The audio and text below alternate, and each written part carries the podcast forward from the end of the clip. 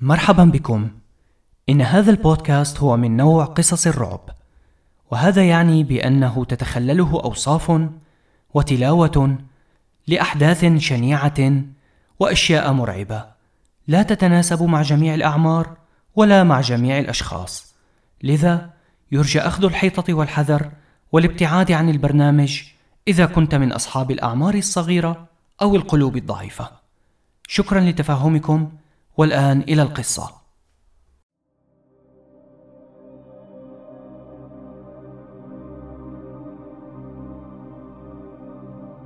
كنت من الأشخاص الذين يعشقون كل شيء عشوائي.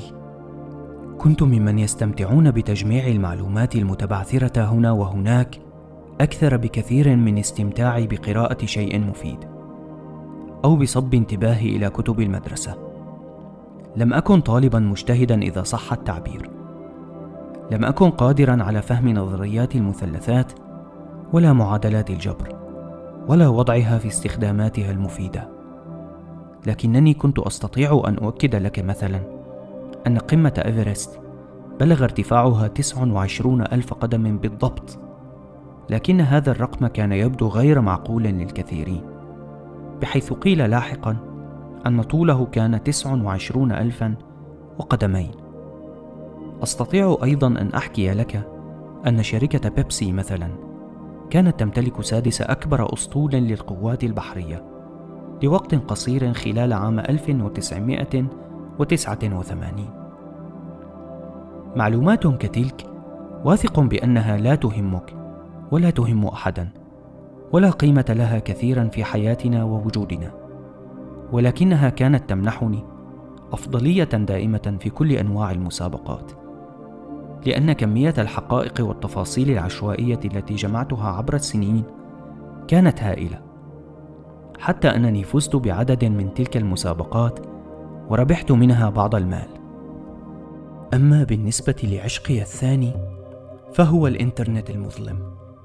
لمن لا يعرف الدارك ويب أو الإنترنت المظلم هو الجانب الآخر من الإنترنت الذي نعرفه جميعا. الجانب المدفون حيث تستطيع أن تجد كل شيء وتحشو رأسك بكل شيء. لم أتصور يوما بأن كل هذا سينقذ حياتي في يوم من الأيام. حين دخلت مسابقة على الدارك ويب كان الإعلان جذابا. شاشة سوداء وحروف حمراء براقة. المسابقة الأصعب في حياتك كلها. فز بها وستحصل على عشرة آلاف دولار فورا. لم أكن غبيا لأصدق أن هكذا مبلغ سيدفع لمسابقة على الإنترنت المظلم. من موقع لا أحد يعرف فيه. ظننتها خدعة ولكنني مع ذلك قررت بدافع من فضولي لأدخل على الأقل لأرى بعيني ما هي المسابقة الأصعب في حياتي. ضغطت على الإعلان ظنا مني أنه سيأخذني إلى موقع جديد. لكن كل ما حدث أنني وجهت إلى صفحة خالية لا شيء فيها سوى نافذة دردشة بسيطة يتشاركها أربعة أشخاص. ظهرت فقط أسماؤهم الأولى. جورج فانس صوفيا وأنا جاك. كتبت مرحبا. لدينا الآن أربعة لاعبين. ألا نبدأ؟ كتبت صوفيا. نحن لا نعرف حتى قواعد المسابقة. رد فانس. قواعد ماذا؟ إنها مجرد مسابقة وأسئلة. صمت الجميع بعد هذا. وجدت نفسي أحاول كتابة شيء ما للتوضيح. لكن لوحة مفاتيحي توقفت وتم إغلاق نافذة الكتابة. وظهرت الرسالة الأولى من إدارة المسابقة. أهلا بكم مشتركين الأعزاء في مسابقة الموت، حيث ستواجهون أصعب الأسئلة وأقسى العقوبات. القواعد سهلة، كل جولة سيطرح عليكم عدة أسئلة، وكل إجابة صحيحة ستمنحكم نقاطًا. سيتم استبعاد الشخص صاحب أقل عدد من النقاط في كل جولة. وآخر من سيبقى منكم سيحصل فورا على عشرة آلاف دولار يتم تحويلها مباشرة لحسابكم المصرفي. بمجرد دخولك لن تستطيع الخروج. وافق الآن أو اخرج قبل أن تبدأ. ظهرت بعدها نافذة بخيارين إما الموافقة أو الانسحاب. لا أعتقد أنها ستكون مسابقة صعبة أو مؤذية. لذا ضغطت موافقة. وكذلك فعل الجميع. ظهر السؤال الأول. ماذا تعني كلمة ممتعض؟ واحد حزين. اثنان مستاء. ثلاثة جائع. أربعة مجنون. لم يكن سؤالا صعبا أبدا بل كان سؤالا تافها. وبكل بساطة ضغطت على الخيار الثاني. وكذلك فعل الباقون. ظهر السؤال الثاني. شعار المطرقة والمنجل هو رمز لأيديولوجية سياسية مشهورة. فما هي؟ واحد الرأسمالية. اثنان الليبرالية. ثلاثة الشيوعية. أربعة الاشتراكية. ضغطت براحة على الاختيار الثالث وكذلك فعل الجميع. أجبنا باختيارات صحيحة على السؤال الثالث والرابع أيضا حيث كانت أسئلة سهلة. بدأت أشعر بالقلق لأن هذا التحدي لن يظهر تفوقي على غيري بهذه المسابقات. حين أجاب الجميع إجابات صحيحة على السؤال الخامس ظهرت رسالة من مدير المسابقة كتب فيها مبروك أبليتم حسنا والآن خذوا استراحة قصيرة تعرفوا فيها على بعضكم بعضا. وهنا ظهرت نافذة الكتابة مجددا. واستعدت السيطرة على لوحة مفاتيحي. مسابقة بسيطة كتب جورج. نعم لقد خابت ظنوني. رد فانس. كتبت أنا ربما كانت جولة للتحمية فقط. كتبت صوفيا. أعتقد ذلك أيضا. لكنني سأتغلب عليكم جميعا في كل الأحوال. رددت عليها. ها وما الذي يجعلك واثقة هكذا؟ لم يأتني الجواب. فقد أعيد اقفال لوحة المفاتيح ونافذة الكتابة. وظهرت رسالة من مدير المسابقة مجددا يقول فيها أن الجولة الثانية على وشك البداية. ظهر السؤال الأول: في أي عام وفي أي مدينة حصل أسوأ حادث مصعد كهربائي في العالم؟ واحد ووهان الصين 2012 اثنان كييف أوكرانيا 2015 ثلاثة إسطنبول تركيا 1999 أربعة أوركني جنوب أفريقيا 1995 كان سؤالا صعبا هذه المرة بعض الشيء. ولكنني كنت أعرف جوابه طبعا. أسوأ حادث مصعد في التاريخ حتى هذا اليوم حصل في منجم للذهب في أوركني عام 1995 حينما سقطت قاطرة داخل بئر مصعد المنجم متسببة في سحق أكثر من مئة عامل مناجم تحتها. انتظرت البقية بعد أن ضغطت على الجواب. فوجدت أن اثنين من الباقين أجابوا جوابا صحيحا. في حين أن فانس اختار جوابا خاطئا. ظهر السؤال الثاني على الشاشة. أي منكم سيموت أولا؟ واحد صوفيا اثنان جاك. ثلاثة جورج. أربعة فانس. ما هذا؟ كان سؤالا مفاجئا جدا. ليس متوقعا أن يظهر لك سؤال كهذا في مسابقة. قد يكون الأمر مقلبا أو خدعة ما. لم أجب عن السؤال وكذلك فعل الباقون. حين انتهى الوقت لم يكن أحد قد سجل أي جواب وهذا يعني أن لا أحد حصل على نقطة. الأسئلة التالية كانت غريبة أكثر. تتحدث فقط عن الموت وعن حوادث مؤسفة وجوائح عالمية وعن حالات انقراض جماعية لأجناس مختلفة. أجبت بشكل صحيح عليها جميعا وكذلك أجابت صوفيا بقينا متعادلين في الصدارة وبقي جورج في المركز الثالث وفانس في المركز الأخير. المرحلة الثانية انتهت الآن وكما تظهر النتائج فانس في المركز الأخير. سيتم إقصاؤه الآن.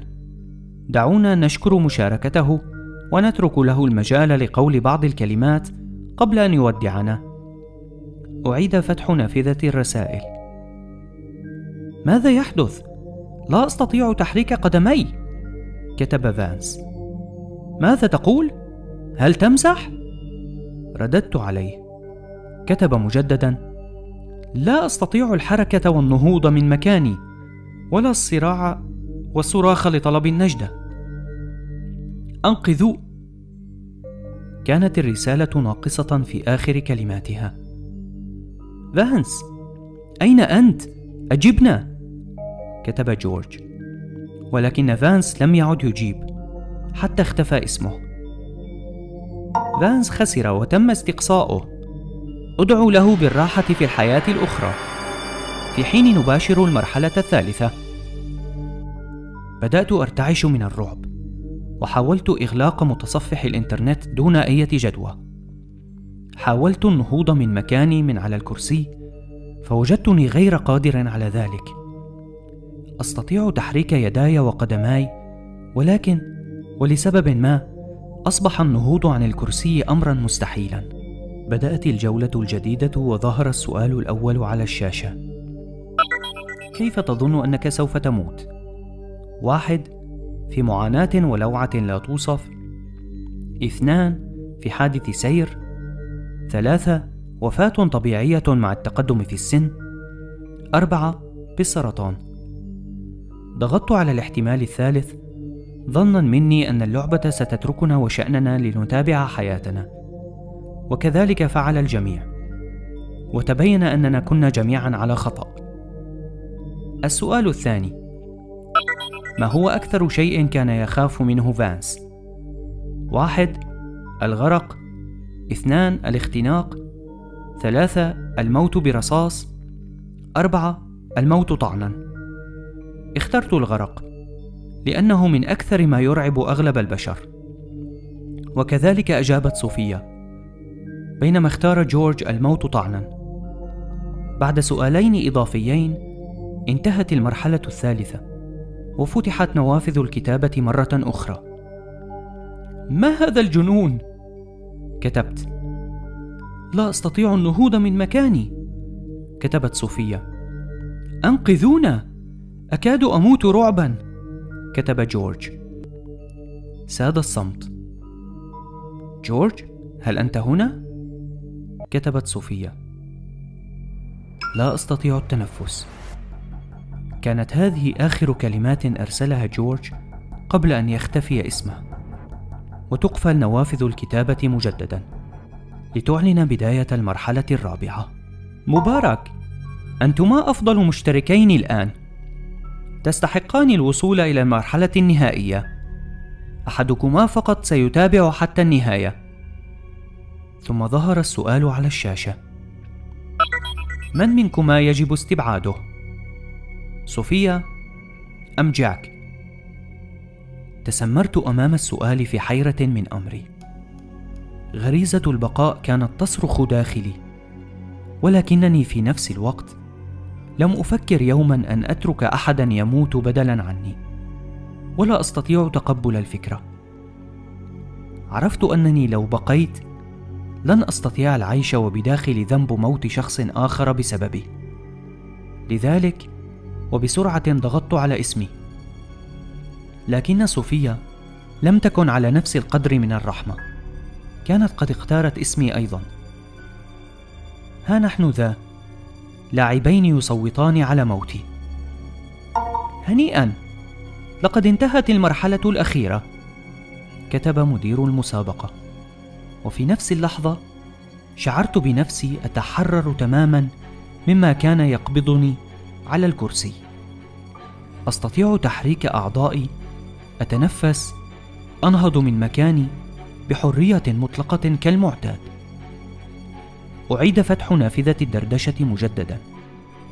كنت حائرا ولست أدري كيف نجوت من الموت.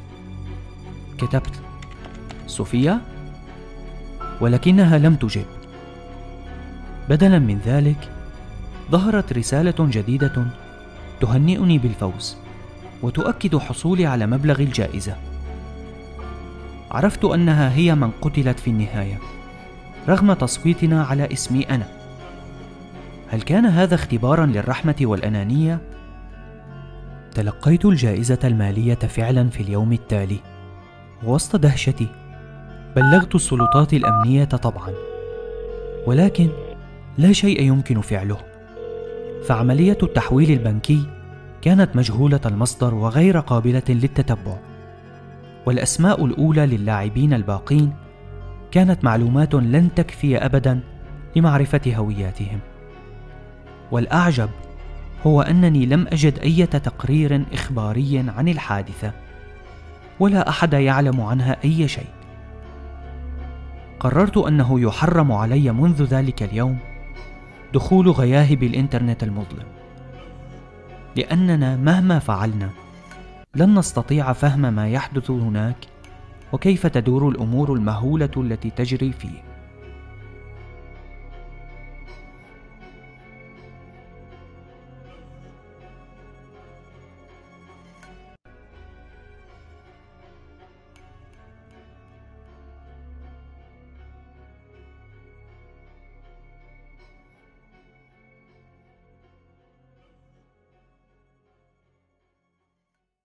مرحبا بكم.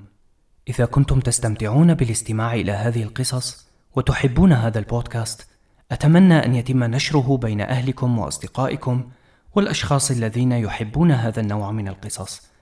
لأن هذا البودكاست جديد ويحتاج إلى دعمكم حتى ينمو ويكبر. شكرا لكم وإلى اللقاء في قصة جديدة.